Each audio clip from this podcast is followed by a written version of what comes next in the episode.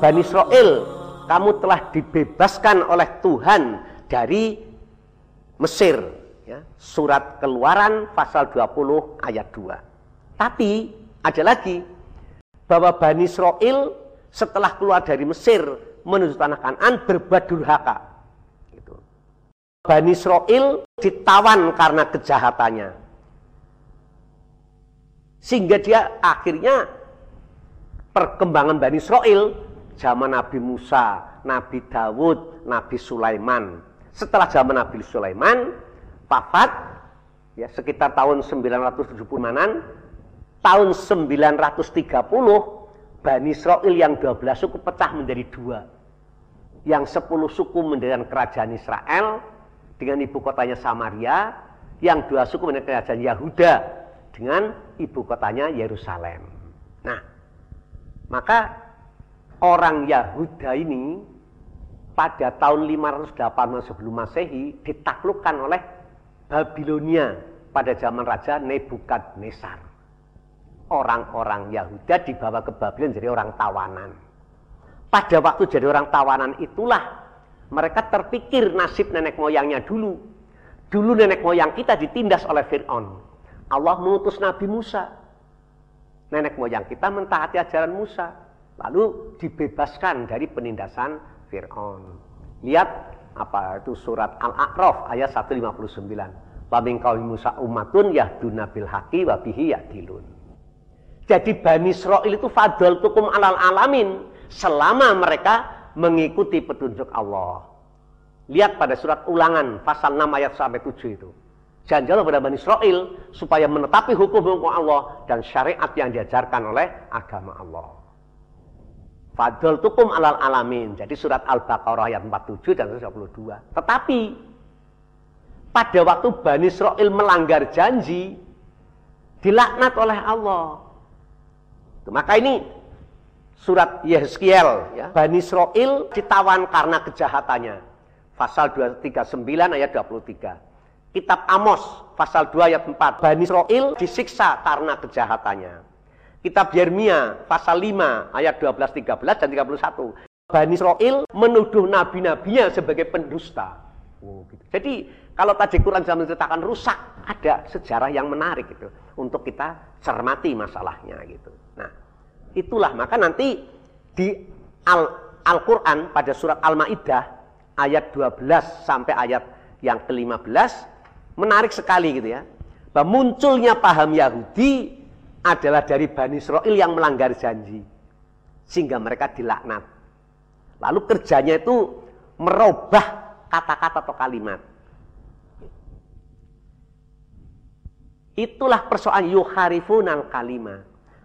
Di Quran jelaskan pada surat An-Nisa ayat 46 yang kerjanya merubah kalimat itu adalah pekerjaannya orang yang disebut Yahudi gitu. Jadi surat Al-An-Nisa ayat 46. Ya, gitu. Menarik ayatnya itu ya. Minal ladina hadu yukharifunal kalima amma wadihi wa yaquluna sami'na wa asoena wasma' hero musma'in. Begitu. Ra'inan layan bi alsinatihim wa ta'na fiddin. Luar biasa Quran kita ini. Jadi yang disebut Yahudi orang yang merubah pengertian dari arti yang sebenarnya.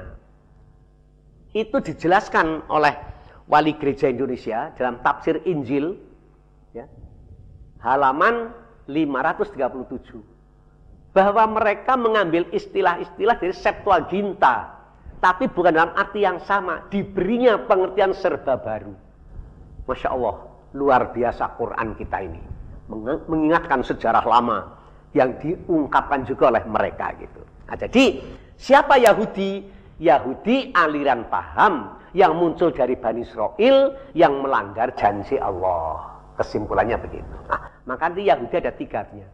Yahudi sebagai nama keturunan, setiap anak turun Yuda, cucu Yakub itu namanya Yahudi. Pada waktu berdirinya kerajaan Yahuda, tahun 930 sampai tahun 580 sebelum Masehi, setiap warga negara kerajaan Yahuda disebut Yahudi. Jadi Yahudi sebagai nama kewarganegaraan. Yang ketiga, Yahudi sebagai nama aliran paham. Dijelaskan oleh Dr. Aba Iban dalam bukunya Sejarah Umat Israel. Bahwa keyahudian sebagai pandangan hidup dan cara hidup adalah lahir pada waktu Bani Israel jadi orang tawanan di Babilonia. Dia bukunya Dr. Aba Iban Sejarah Umat Israel. Jadi menarik sekali untuk dicermati gitulah. Nanti dari aliran Yahudi yang pertama-tama muncul itu adalah aliran Saduki. Aliran Saduki itu orang yang berorientasi kepada pendeta. Sebagaimana diungkapkan pada surat Al Taubat surat 9 ayat 31. Kemudian dikonter oleh paham Yahudi dari yang disebut aliran Esen. Aliran Esen. Kontras dengan ini. Di tengah-tengah pertengkaran Saduki dengan Esen, lahir aliran Yahudi namanya Parisi. Parisi ini orang-orang Yahudi yang terkontaminasi oleh alam pikiran Yunani dan Romawi. Nah, dari Yahudi aliran Parisi itulah kemudian lahir aliran baru dari Yahudi yang namanya Nasoro. Jadi surat Al-Maidah itu teliti sekali ya. Ayat 12 bagaimana munculnya janji Allah pada Bani Israel pada ayat yang 13 dari Bani Israel melanggar janji lahir paham Yahudi pada ayat 14 wa minal ladina qalu wa minal ladina qalu ini kembalinya kepada Fabi Manakdihim jadi kembali kepada Yahudi Ina Nasoro jadi Nasoro itu lahir dari Yahudi itu persis dikatakan oleh Bebel ini juga gitu madhab Nasrani lahir di Antioquia setelah Nabi Isa wafat.